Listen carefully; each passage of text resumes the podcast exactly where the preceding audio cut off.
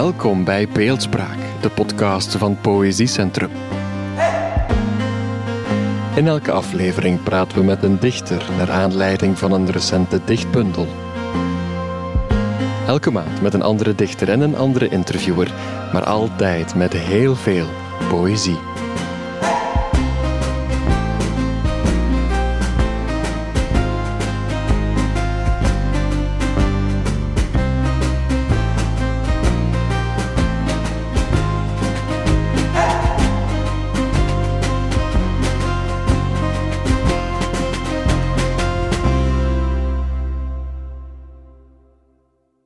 Welkom bij Beeldspraak, de podcast van het Poëziecentrum.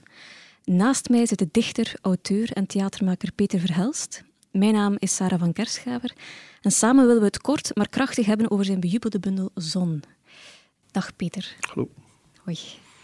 Voor we um, in zon duiken, um, is er voor jou als dichter een leven mogelijk zonder beeldspraak? Nee, om de heel eenvoudige reden dat dat de manier is waarop ik uh, denk. En mm. als ik niet denk, leef ik niet. Enfin, dat klinkt iets uh, intelligenter dan bedoeld. maar dat is mijn manier van, van leven. Ja. Um, het, het, beeld is de kern van wat ik doe. Mm. Ik geloof ook in het beeld. Uh, ik geloof meer in een beeld dan in een verhaal. Mhm. Dat uh, komt helaas ook tot uiting in romans van mij. maar dat is, dat is echt de, de, kern van wat ik doe. En ik geloof ook dat dat uh, de manier is uh, waarop je kunt communiceren. Mhm. Dat, dat er een hele diepe communicatie mogelijk is via het beeld. Oké, okay, maar dat maakt me natuurlijk heel nieuwsgierig naar de zon. Wat betekent de zon voor jou? Oh, de zon betekent heel veel dingen. Hè. Dat, is, dat is al uh, sinds het begin van de mens een van de oersymbolen. Vind je overal in alle culturen terug. Um, alle betekenissen, alle mogelijke betekenissen. En oorspronkelijk had ik nooit de bedoeling om, om een bundel te schrijven over de zon. Maar had ik enkele begingedichten. En die hadden te maken met, met Oostende. Het waren eigenlijk strandgedichten. En ik had er een vijf, zes, zevental, ik weet het niet meer juist.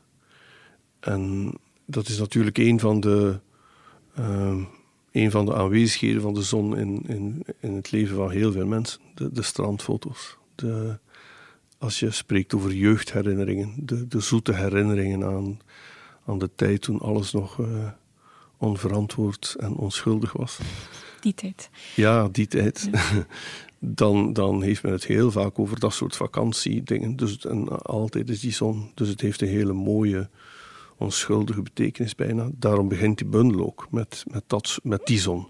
De zon van de, van de herinnering bijna. Maar als je dan verder kijkt in heel veel culturen, eh, is die zon niet alleen een, een bron van leven natuurlijk. Heel vaak de zon wordt aanbeden omdat die ons uh, leven schenkt. Um, maar heb je bijvoorbeeld ook de zwarte zon, wat dan verwijst naar melancholie, wat ook verwijst naar het fascisme, mm -hmm. uh, is een van de symbolen van de nazi's. Um, en, en, en hun afstammelingen, laten we zeggen. Uh, dus al die dingen komen, komen in, in die bundel terecht. Uh, laten we zeggen dat al die afdelingen die, er, die erin staan, ik weet niet juist hoeveel er zijn, ik denk een zes of zevental, dat je telkens een soort zon hebt. En dat kan ofwel de, de, de, de zon van, de, van het leven zijn, van de herinneringen, of de zon van, uh, de, zon van de kunst staat er ook in, onder andere. Uh, de, de erotische zon. Uh, de ideologische zon, de existentiële zon en tenslotte de politieke zon. Mm. Dus al die, overal, uh, die, die zon is heel veelzijdig geweest. Er is een heel grote aanwezigheid in, in ons leven. En na, na, een gedicht of 12, 13 dacht ik, wist ik van, ah ja, dat moet, mm. dat moet, de, dat moet zijn wat, wat die bundel samenhoudt. Nochtans, omdat je de Oostende noemt, ja. had ik halverwege ook het gevoel, de bundel had ook gewoon water kunnen heten. Ja, tot, tot op een bepaald moment. Ja. Dan in plaats van zonnebloemenkwallen genomen waarschijnlijk. Ja. Maar uh, ja, dan heb je op een bepaald moment natuurlijk... Op een bepaald moment had ik die herinnering dat wij door Zuid-Frankrijk rijden. En ik weet nog de eerste keer dat ik een zonnebloemveld zag. Uh, word je eerst overweldigd door die schoonheid daarvan natuurlijk. fantastisch. Een, een gouden veld. En ik weet niet hoe het kwam, maar ik, ik keek naar het, naar, naar het uh, veld vol zonnebloemen en ik zag Nuremberg. Ik zag al die Duitse nazi's kijken naar de zon, uh, naar Adolf de zon. En zo zie je maar dat alles een, zijn, um, een dubbelzinnige betekenis krijgt, natuurlijk. Mm. Um, en, en vandaar dat, dat, dat ik mij ook voornam om mij ook veel te permitteren in die bundel. In de zin mhm. van dat je en van jeugdherinneringen kunt gaan naar, naar politiek, uh, naar, naar, naar bijna um, uh, dingen over kunst enzovoort. Dus dat er allemaal mogelijk is in één bundel. Uh, vandaar.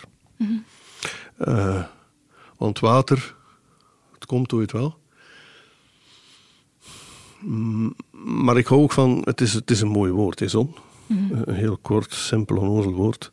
Een zit, mooi letter. O, perfecte tussenletter. Uh, de N die eigenlijk een zit is die op zijn kant gevallen is, enzovoort. Dus het is eigenlijk een zeer mooi woord. Dus het, was heel snel beslist. Oké, okay, fijn. Ik hoefde alleen nog dichten te schrijven. Oh, mag ik jou dan meteen aan het werk zetten en vragen om een gedicht?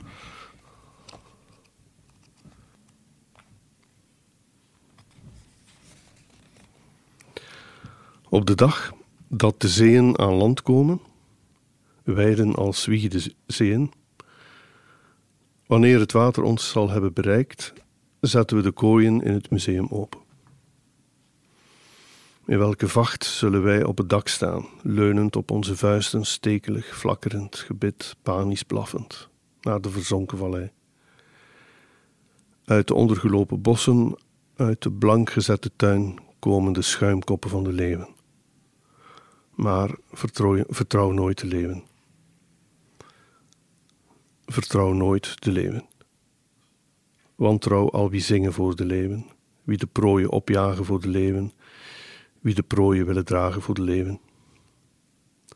Zullen we in de monochrome zon kijken? Ik verbeeld me dat je naast me op de grond ligt en dat je knie opzij valt, of naar het brullende water als naar het mooiste kunstwerk ter wereld. Vertrouw nooit de leeuwen. Ja. Voor wie of wat waarschuw je ons? Ja, het is overduidelijk natuurlijk. Het is niet, niet echt subtiel te noemen. Uh, nu, ik moet zeggen, het begon, het gedicht is eigenlijk ontstaan uh, aan het kasteel van Gaasbeek.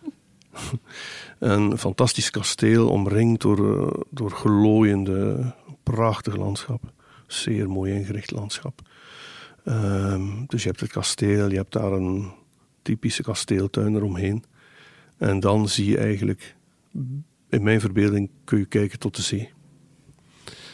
En uh, omdat natuurlijk ook al in die bundel af en toe de schuimkoppen uh, misschien wel de manen zijn van de leeuwen, uh, lag het voor de hand dat dat, we, dat ik mij zou bezighouden met een beeld waarbij het water dichterbij komt. Want dat is natuurlijk ook een van de grote angstbeelden die wij de laatste jaren cadeau hebben gekregen. Ehm, dus er is niet alleen een soort politieke storm bezig, maar je krijgt ook nog die klimaatstorm, die ongetwijfeld uh, over een jaar of twintig op ons afkomt, in alle hevigheid. En omdat. Uh, ik ken die beelden ook van, van zwemmende leeuwen. Dat is een prachtig, prachtig beeld. Zo'n, het is een beetje een omgekeerd gedicht. Baudelaire heeft zo'n gedicht over een albatros die, uh, als hij op het land loopt, uh, gehandicapt lijkt. En, en krukkig en een belachelijk beest eigenlijk. Maar zodra het zich verheft in de lucht, wordt hij prachtig. Bij een leeuw is het omgekeerd natuurlijk. Hm. Op land is hij onverslaanbaar bijna is het een, uh, een tank. die over alles heen vlamt.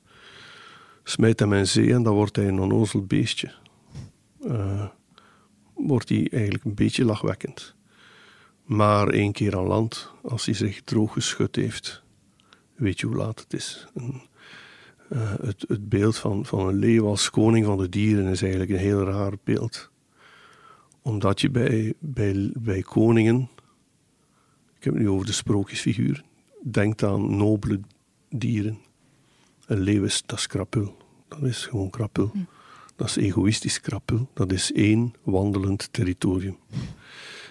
Die, dat territorium wordt ten koste van alles en iedereen verdedigd. Als een leeuw een, een, een leeuwin tegenkomt, wil de leeuw zich voortplanten.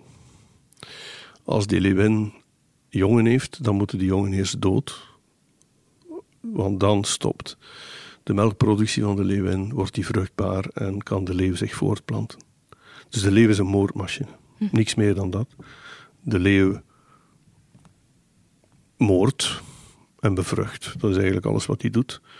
En als het even kan, ehm, neemt hij uh, de prooi van de anderen af.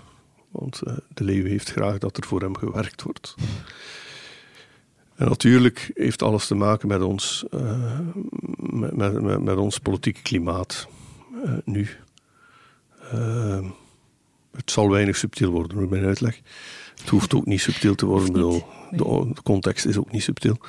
Er, zijn, er zijn partijen bij ons, Vlaamsgezinde partijen, separatistische partijen, die voor mij een heel chockerende, um, voor mij een heel chockerende boodschap hebben. Die alles wat, wat, wat ik ooit heb geleerd, uh, in vraag stellen. Bijvoorbeeld solidariteit, bijvoorbeeld uh, zorg voor een zwakke. Ik heb geleerd dat er als iemand zwak is, dat je, dat ervoor zorgt en dat je die probeert op te tillen letterlijk op te tellen. Nu is het omgekeerd natuurlijk. Nu, ik heb het al verschillende keren gezegd, maar het is zo. Dus het wordt de zwakkeren kwalijk genomen dat ze zwak zijn, omdat ze ons verzwakken. En dat is eigenlijk de, de ideologie van de, van de, van de leeuw. Uh, vandaar dat de leeuw hier voorkomt. Vandaar dat ik op een bepaald moment in de bundel heel expliciet verwijs, dat is eigenlijk de, de ideologische zon, naar de, de, de komst van de leeuwen. Uh, en ik begin eigenlijk met een fabeltje. Uh, altijd vroeger de veiligste manier om, zonder dat je je hoofd verliest, uh, kritiek te geven op het staatshoofd, dat was te doen alsof dat je het over beesten hebt. Um, en hier heb je dan die, die, die fantastische fabel van La Fontaine, die zich ook baseert weer op Griekse, op Griekse verhaaltjes. Um, waarbij je dus oorspronkelijk de wolf hebt en, en, en het lam. Ik heb er natuurlijk uh, subtiel als ik ben uh, de leeuw en het schaap van gemaakt. En ik geef varianten daarop. Op de, de, het, oorspronkelijke uh, bij het oorspronkelijke verhaal weet je eigenlijk niet welke partij de La Fontaine kiest, want hij heeft het eigenlijk bijna over een soort rare machthebber die zich de macht toe-eigent om, om te beschikken over of te beslissen over het leven en dood van, van, van de zwakkeren. Met valse beschuldigingen, et cetera. Het lijkt wel in 2020 geschreven. Uh, de echo's van al het soort, uh, ja, hoe noem je dat beleefd? de al soort nieuwe machthebbers, van, van Trump tot, uh, tot die Hongaarse zot, daar tot, die, tot onze Vlaamse elite, nieuwe Vlaamse elite. Um, alles dringt door, terwijl we weten dat het nog maar het begin is natuurlijk. Hè. Uh, we zijn nog maar in het voorgeborgte. Bij de volgende verkiezingen denk ik dat het, dat het nog veel erger wordt. Dat is een lang voorgeborgte. Ja, dat is een lang voorgeborgte dus in, en dan komt er plots iets uh, wat, wat, eigenlijk al een tijd in mijn hoofd spookt. Kan dat? Kun je poëzie daarvoor gebruiken? Uh, ik vind dat je poëzie overal voor kunt gebruiken, dus je kunt het even goed proberen natuurlijk. Je kunt erover discussiëren of dat nu geslaagde poëzie is of niet, of het nog poëzie is of niet, of wat dan ook. Uh, het zal mij worst wezen. Ik bedoel, ik schrijf zo omdat ik vind dat ik het moet doen. Um, het enfin, ik vind het een interessant ding. Um, ik las bijvoorbeeld de idyllen van, uh, van Ilya Pfeiffer, waarin hij heel duidelijk ook verwijst naar een aantal, ook over, over heel die migrantenkwestie, heel interessante gedichten. Maar je kunt inderdaad erover discussiëren, want nat natuurlijk, wij hebben geleerd dat de kern van poëzie het raadsel is. Uh, hetgeen, en daarom willen we het ook opnieuw lezen en opnieuw lezen en opnieuw lezen, om telkens geconfronteerd te worden met hetgeen waar wij net, om, met, met hetgeen waar wij net de hand niet kunnen opleggen. Maar we voelen wel dat het, dat het bijna DNA-materiaal is van ons, maar we mm. hebben er nog geen naam voor gevonden of zoiets. Uh, voor, voor dat verdriet, voor dat gemis of wat dan ook. Uh, hier heb je natuurlijk gedichten die, die, die het minder moeten hebben van die suggestie of van die dubbelzinnigheid of meer, meer, uh, meerzinnigheid of wat dan ook. Maar eigenlijk vrij, god ja, zoals een grap bijna. Als je, als je het gelezen hebt, weet je het ongeveer wel waarover het gaat. Maar je hoopt natuurlijk wel dat het verder gaat dan dat. Mhm. dat, het een, dat het, want in feite gaat het niet over die het probeert ook de banaliteit van die partij te overstijgen. Het gaat eigenlijk niet over die partijen. En dat is, het grote, dat is de grote tragedie natuurlijk. Het gaat over de geschiedenis van de mens. Uh, want daar word je, als je er te veel over nadenkt, blijf je gewoon liggen. S'morgens morgens, kom je niet meer uit je bed. Maar het is toch wel onthutsend hoe ja, de geschiedenis van de mensheid is er een van onderdrukking. Mm Ehm, het is zo raar dat men denkt dat men alleen maar genoeg heeft als een ander minder heeft. Ehm, dat je maar uh, welvaart hebt als het een kost is van anderen. Ehm, en dat je daar ook geen schaamte over moet kennen, in tegendeel, dat is zo. En als je als dichter daarover nadenkt, die woede of verontwaardiging voelt, beslist, ik kan niet anders dan het raadsel even opzij schuiven en het er expliciet over hebben, heb mhm. je dan de indruk dat, dat, dat je dat zuinig moet doen? Dat je het niet elke keer kunt doen, maar dat je het nu kunt doen, maar daarna niet meer? Wel, daarna niet meer. Ik heb net een. Uh, vanmorgen was ik uh, in mijn computer aan het kijken op een bestand en heb ik een, uh, een, een bundel van 120 bladzijden. met volgens mij alleen maar gedichten over de klimaatproblematiek. Dus natuurlijk kun je dan maar één keer. nee, je kunt je, je. Er is zoiets belangrijk als je denkt dat je het moet doen, moet je het doen. Mhm. Dat is totaal irrelevant wat men daarover zegt of denkt. Mhm. Ehm, maar het komt er natuurlijk op neer dat je de juiste vorm probeert te vinden ervoor. En ik, heb, ik zeg helemaal niet dat ik de juiste vorm gevonden heb. Maar het is die vorm die op dat moment voor mij mogelijk was. Die enige vorm. Mm Voilà. En het kan zijn dat ik over drie jaar mij, mij, mij doodschaam. Het zou mij heel erg verwonderen, want ik herlees die dingen meestal niet echt. Maar het maakt mij eigenlijk niet zoveel uit hoor.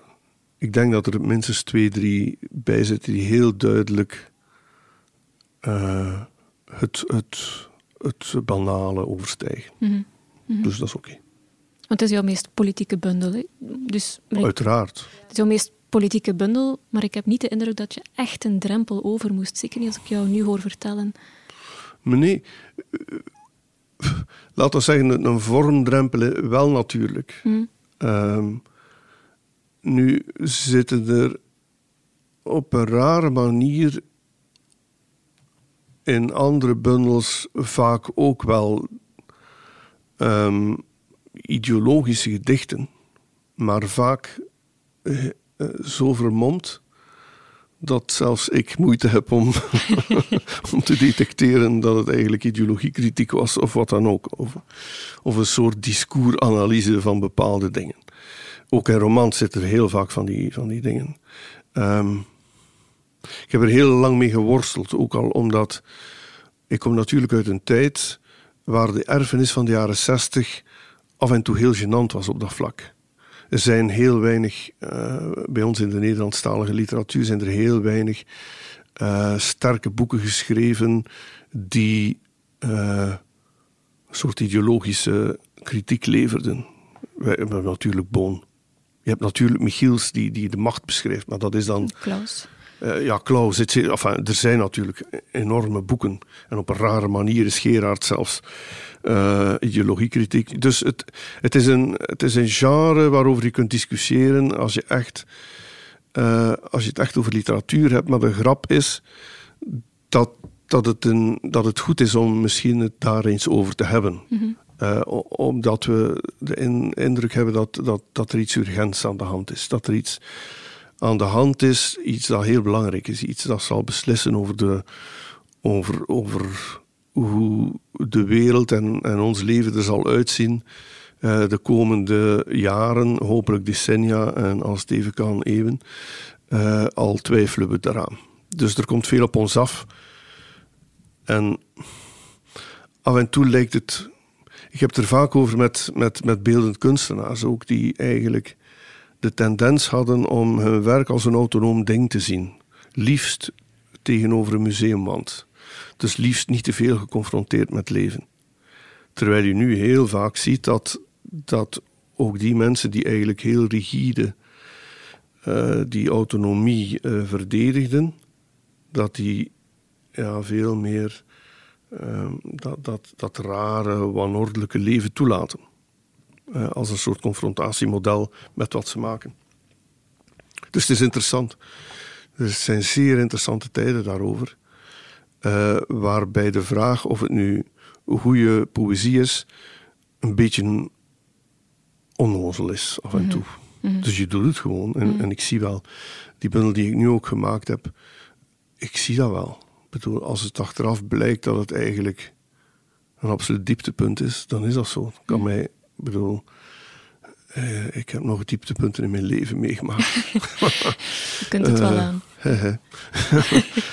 dus. Want krijg je dan andere lezersreacties, vraag ik mij af?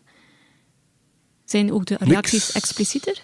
Niks, Niks, krijg ik van reactie. Maar. Niets. Nee? nee.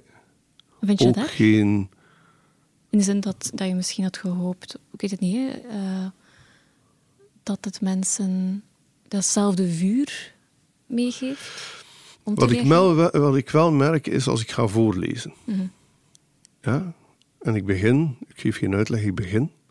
Men weet onmiddellijk waarover het gaat. Mm -hmm. Echt. Eén, vier regels en men weet, oh my god. Mm -hmm. En je hoort het geroezemoes. Je hoort, uh, je hebt mensen die, die het heel grappig vinden. Je hebt mensen die... Ik heb nog niet meegemaakt dat ze de zaal verlaten. Maar het scheelt toch niet zoveel. Mensen die heel misprijzend kijken. Maar heel vaak enfin, de, de meest voorkomen, dat is ook normaal, zijn de mensen die achteraf zeggen dat ze blij zijn dat er iemand zijn mond optrekt. Um, maar de anderen hoor je natuurlijk niet. -hmm. ja. Dus geen idee. -hmm. En dan, ja, het is ook een vorm van reactie. Je hebt met de bundel de Grote Poëzieprijs van de Jongerenjury gewonnen. Mm. In deze context betekent die prijs dan meer voor jou dan gewoon een prijs, net omdat ze van jongeren komt? Nee, die betekent niet meer of niet minder. Um, ik, ben, ik ben elke keer ver, verbaasd dat er een prijs komt. Ben er elke keer heel blij mee. Weet je, hoe moet ik dat nu zeggen? Er zijn verschillende vormen van prijzen natuurlijk. Hè? Je hebt officiële prijzen, je hebt commerciële prijzen, je hebt jongerenprijzen. En wat mij altijd ongelooflijk uh, veel plezier uh, geeft, is het, het welgemeende enthousiasme van jongeren. Die heel duidelijk zijn in hun commentaar. Vooral duidelijkheid. Ik bedoel, als ze iets kut vinden, zeggen ze dat het kut is. uh, of onnozel, of zever in zakjes, of wat dan ook. maar als iets hen ontroert, hoor je het ook.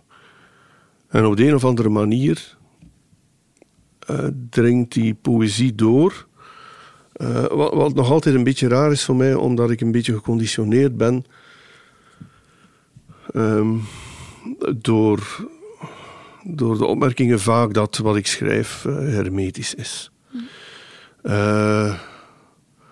ondertussen zou ik het al achter mij moeten hebben gelaten, maar ik herinner mij, dat is al tientallen jaren zo, Uh, dat mens, sommige mensen zeggen dat echt, dat, dat ze er geen fluit van begrijpen, dat het veel te moeilijk is, dat het enzovoort, enzovoort, enzovoort. Dus ik heb vaak de neiging, als iemand al bekend dat, die, dat hij of zij uh, boeken van mij leest, heb ik al het, eerst al de neiging om mij te excuseren van hader, moeten gaan zitten, enzovoort. Dus ik ben altijd verrast als als er een soort vorm van erkenning komt. Mhm. Dat. Uh... Ja, want nu ben je heel expliciet in bepaalde delen, een bepaalde cycli in de bundel, maar ja, bepaalde gevoelens die zitten in veel van jouw bundels en zijn onmiskenbaar. Gevoelens van uh, gemis, verlangen, het schuurt, uh, verdriet. Op dit moment in deze bundel in zon is dreiging heel heel tastbaar. Hè? Uh, ja. Het neigt zelfs naar een geweldsgolf, een golf van geweld op het einde. Ja. Is dat een, um, een tegenreactie? Of is het, ligt het in het verlengde ervan? Kan het een niet zonder het ander? Er zit ook passie in, hè? dus... Uh... Weet je, ik, uh, ik, herinner mij nog de, als de dag van, van, van vandaag dat, dat Stefan Hermans uh, ooit de term vitale melancholie aan mij uitlegde. En dat ik dacht dat het over mijn leven ging. en ik vond het fantastisch. Uh, fantastisch dat hij, dat hij het zo duidelijk kon benoemen. Mm -hmm. de, dat gigantische verdriet waarmee sommige mensen lijken, ja, ze zijn ermee geboren. Voilà. Ehm, op de een of andere manier is dat zo bij mij. Verdriet is een onderdeel van mijn leven, terwijl ik een zondagskind ben, in vooral duidelijkheid. Ehm, gemis, een soort talent voor gemis. Of uh, ja, ja, talent eigenlijk wel voor gemis. een soort uh, hooggevoeligheid ervoor. Uh, het feit dat je er niet mag over nadenken, maar dat, dat, je er toch over nadenkt hoeveel, hoe gigantisch veel verdriet er is in de wereld. Mhm. Het is bijna niet te bevatten. En tegelijkertijd een, een en dat hoop ik dat het in die bundel zit, er is, er is een enorme dreiging in, een soort bastoon die begint en die aanzwelt. Mm. Naarmate de bundel verder komt en op het einde staat, staat de dreiging in het gelid klaar. Zo is dat. Maar aan de andere kant, het eindigt wel met een, met een gedicht. Mm. een gedicht dat zegt dat uh, er zal altijd één overblijven. Altijd. Ik herinner mij toen Tonkat ooit in het Arabisch werd vertaald. Tonkat schijnt een dystopisch boek te zijn. Ik heb dat nooit. Ik vind dat helemaal niet hoor. Maar ik hoorde altijd, het is echt een bijna nihilistisch boek in die zin dat alles kapot gaat. Ook degenen die zich eigenlijk verzetten. Een beetje gebaseerd op de Rode Armee-fractie, een soort eh, ja, het hangt er nu vanaf uh, aan welke kant je staat. Ofwel zijn terroristen of, uh, of, of, een soort vrijheidsstrijders voor iets.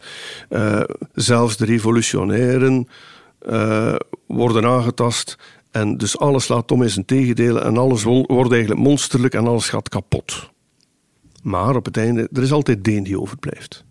En ik weet nog toen, kreeg ik van de, de, de uitgeefster uit, uh, uit Cairo een, een, bericht dat ze zo gepakt was door het boek om de heel eenvoudige reden. Haar man was ooit als een van de vijf mannen begonnen op het Tahrirplein met de revolutie in, uh, in, uh, in Egypte.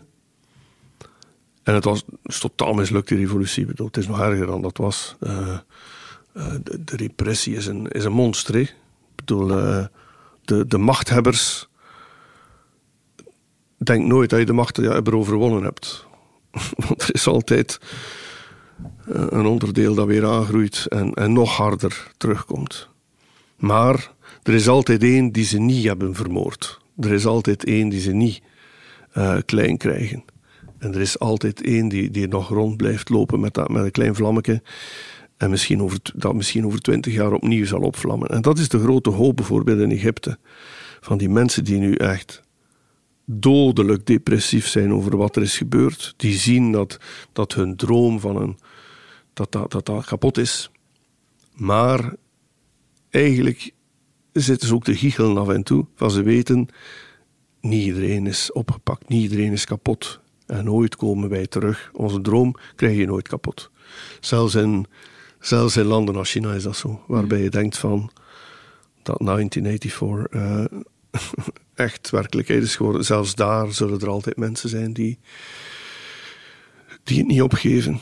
En dat is eigenlijk een van die. Enfin, dan hoop ik dat dat ook die, in, de, in die bundel zit. Het, uh, die, dat soort koppigheid van het niet opgeven. Van de hoop. telkens terug. Ja. Vandaar ook het eindgedicht dat duidelijk verwijst naar het feit dat, dat we nooit zullen opgeven. Mm. En is het ook daarom dat de Griekse mythe jou zo aantrekt? Want ja, de, de Grieken bij uitstek wisten die monsterlijkheid en dat ene waakvlammetje en het verdriet vorm te geven in mythische verhalen. Is het dat wat dat jou blijft aantrekken? Want hier heb je de mythe van Orpheus in verwerkt, Ja. in Zon. Het, het is natuurlijk zo, hoe moet ik dat nu zeggen? Ik ben er, het is moeilijk om die mythes te negeren. Ik ben ermee opgegroeid. Ik ben ze echt voorgelezen door mijn vader toen ik klein was. Dat is echt voor mij eh, veel meer DNA-materiaal dan, dan, dan Vlaamse sprookjes. Eh, die ik ook wel gehoord heb, maar goed, dat is echt. eh, met die verstande natuurlijk dat je bij de Grieken een ongelooflijk belangrijke rol had voor de goden. Die eigenlijk vierkante hoesting deden aan altijd ten nadele van mensen. Ehm, dat is natuurlijk. Enfin, laten we zeggen dat die goden een andere vorm aannemen. Dat, eh, dat het af en toe machten zijn die, die, die, die rammelen met de voeten van, van de eh, normale, gewone mensen. Dus in die zin eh, bestaan die goden nog maar in, in andere vormen. Maar die extreme onverschilligheid en vreedheid ook. eh, interesseert mij omdat het leven vreemd, vreed is. Is, is, is eh, genadeloos onverschillig. Eén seconde en het is voorbij. En liefst op een harde manier. Dus het is, eh, en tegelijkertijd de ongelooflijke schoonheid van, van die Prometheus-figuren die blijven het vuur pikken. En die weten dat hun leven eraan gaat, maar die, die, die dat blijven doen, eh, vind ik wel mooi. Ja. Het zijn ook, ik herinner mij toen ik ooit nog les gaf eh, aan de bakkers en de beenhouwers, dat ik af en toe die mythe voorlas. En het is raar, het, het lijkt echt DNA-materiaal hoor. Je hebt zo'n paar van die, van, die, van die dingen waaruit wij geboetseerd zijn. Dat zal Shakespeare zijn, denk ik. En ik vind Beckett eigenlijk ook wel, maar goed. En de, de Griekse mythen en zagen, het lijkt alsof dat dat ons Europees oermateriaal is. En de grap is als je bijvoorbeeld over zo'n mythe in, in een sloppenwijk in Zuid-Afrika, als je het zo'n mythe vertelt, dat zij er gewoon een andere naam aan geven. Dat, bedoel, het is oermateriaal, het is eh, menselijke geschiedenis. Zo mooi. Eh, vandaar, ik blijf erop, ik blijf er naartoe terugkeren. Die, en ik blijf eraan foefelen ook. Want dat vind ik leuk, dat het, eh, dat het toelaat dat, dat ze verfoefeld worden, de, de, de mythes. Ja. Ander DNA-materiaal bij jou vind je altijd terug in de verantwoording. Ik lees die altijd met heel veel plezier. Je wordt je een soort ja, rijke lijst van kunst en boeken en, en, en films en muziek aangeraden. Ehm, ja, we zitten nu ondertussen bijna zes maanden in een heel vreemde periode, waarin heel veel van wat jou voedt als mens en als dichter Ja. bijna quasi onmogelijk is. Hoe voed jij jezelf? Hoe, wat doet dat met jou, het feit dat je niet aan kunst kunt, dat je niet naar theater kunt, niet naar dans? Hoe, hoe compenseer je dat? Eh, Ik heb gelukkig heel veel eh, materiaal thuis. Dat, want ik ben echt al twintig jaar aan het werken, werken, werken, werken, werken. Dus ik heb heel veel boeken, boeken, boeken, boeken. eh, waarvan ik denk dat ik eh, 80% nog niet gelezen heb. Dus het is het moment om dat te doen. Ehm, en ik heb ook het geluk dat ik altijd met, met tien dingen tegelijk bezig ben. Dus ik was al dingen begonnen voordien. Maar de grap is dat die opgebruikt zijn nu. En eh, dus alles is ongeveer klaar wat moet klaar zijn. Oei. En plots dacht ik, eh, ik, ik wilde aan een roman beginnen. En plots het, ehm, de, de leegte, de stilstand, het feit ook dat het. Ik vind dat het iets fundamenteler is dan ik had gedacht, wat er ons overkomt. In het begin, ja, dat griepje. Uh, op een bepaald moment weet je van, dit is helemaal geen griepje. Uh, er beginnen mensen te sterven. De manier waarop men sterft is nu ook niet zo, zo leuk. Uh, je ziet beelden, ah, bijna mythische beelden mm. uit Italië. Mm. Echt pandemie. Um, tegelijkertijd een soort tegenbeweging. Je ziet de mensen in al zijn stupiditeit op straat, af en toe. Uh, je stelt je de vraag ook van. Um, je hoort dat de democratie in gevaar is, dat die aangetast wordt. Hysterie overal. Tegelijkertijd het vanzelfsprekend van de dingen die je ziet en die je bijna onnadenkend meeneemt naar huis. En die beginnen te werken in je hoofd. Plot, ja, dat is, die, dat is drooggelegd. En ik wil niet verder teruggrijpen naar wat ik al ken. Hm. Om de heel eenvoudige reden dat ik, ze, dat ik er al mee gewerkt heb en, en dat ik ook daar weer het gevoel heb dat, dat ik op een eindpunt ben beland. Dus ik moet. Ik vind het ongelooflijk interessant om nu na te denken over uh, wat die rol van kunst kan zijn. Um, wat de rol van theater zou kunnen zijn, van poëzie zou kunnen zijn. Uh, mijn, mijn, mijn vrevel tegenover bepaalde vormen van, van romans, waarvan ik denk, jezus jongen, de overbodigheid ervan. Hoe kun, hoe, hoe kun je daarover nadenken dat, ook over mijn eigen dingen vooral duidelijkheid, hè? ik denk niet alleen maar dat anderen overbodige dingen maken, maar ja, over. Je bent dat, weet je, ik vind dat ongelooflijk eh, imponerend. Het, uh, de grote eenzaamheid van sommige mensen. Het, de, de verlatenheid. We hebben verhalen gehoord over mensen die alleen moesten sterven.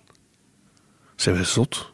Hm. Ik bedoel dat we uh, over, over oude mensen die nog een paar maanden te leven hebben en ze mogen hun kinderen en kleinkinderen niet zien. Zo raar. Bedoel, wie zijn... Enfin, zo raar. Wie, uh, kiezen we voor mensen of kiezen we voor het geheel? Wat is dat geheel? Enzovoort. Dus het zijn allemaal heel interessante vragen. En wat is onze plek daarin? Wij mensen die kunst maken, uh, hebben wij daar een functie in? Kunnen wij dingen kanaliseren? Kunnen wij uh, ja, een, een, vorm geven aan, aan verdriet bijvoorbeeld, of, of aan wat dan ook?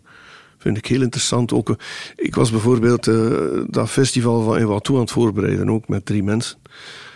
Helaas kon het niet doorgaan, omdat het niks nog zou te maken hebben met wat het had moeten zijn.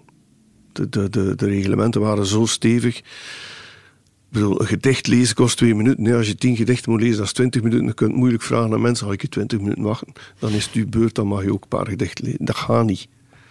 Dat gaat helaas niet. Uh, hoe, kun je zoiets, hoe kun je over zoiets nadenken dat het wel weer een functie krijgt?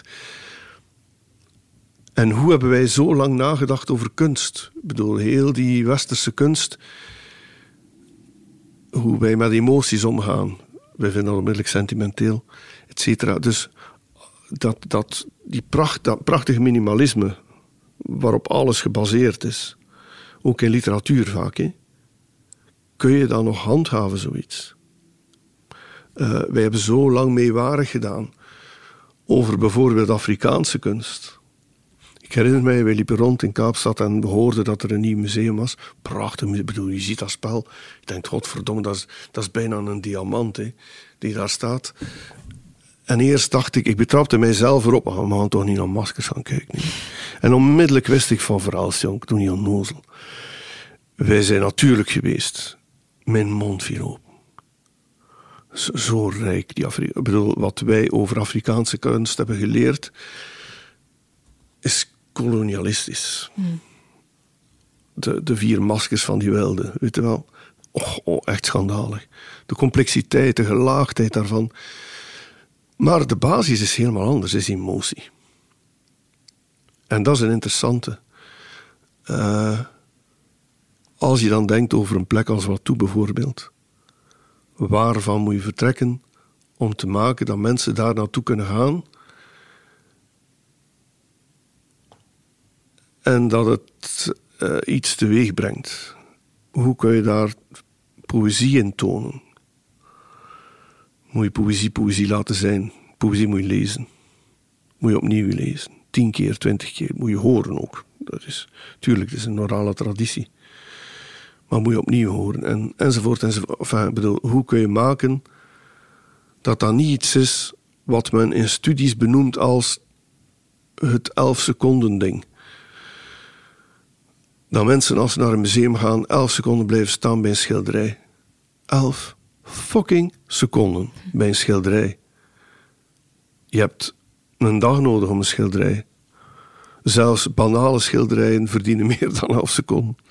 Gedicht, bedoel, hoe kun je dus met andere woorden omgevingen creëren die uitnodigen tot, uh, ja, tot die vertraging. Die, zoals een poëziebundel. Dat is nog altijd hetgene wat mij zo gelukkig maakt bij poëzie. Dat het je dwingt om,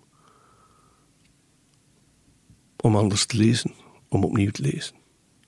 Al was het maar door die wetregels. Hm. Opnieuw. En opnieuw. En opnieuw. En dat is een andere manier van denken. En ik denk dat dat een, een heel belangrijke wordt, ook voor de toekomst.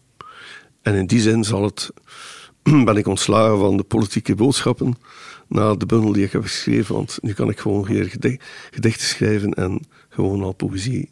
Het feit dat ik poëzie schrijf is al zo politiek en uh, ideologisch dat ook is.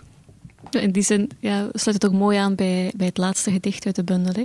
Omdat je, je hebt het over poëzie en hoe, hoe je eigenlijk streeft naar een ideale context waarin een bundel of een gedicht zichzelf mag zijn en ook iets kan teweegbrengen.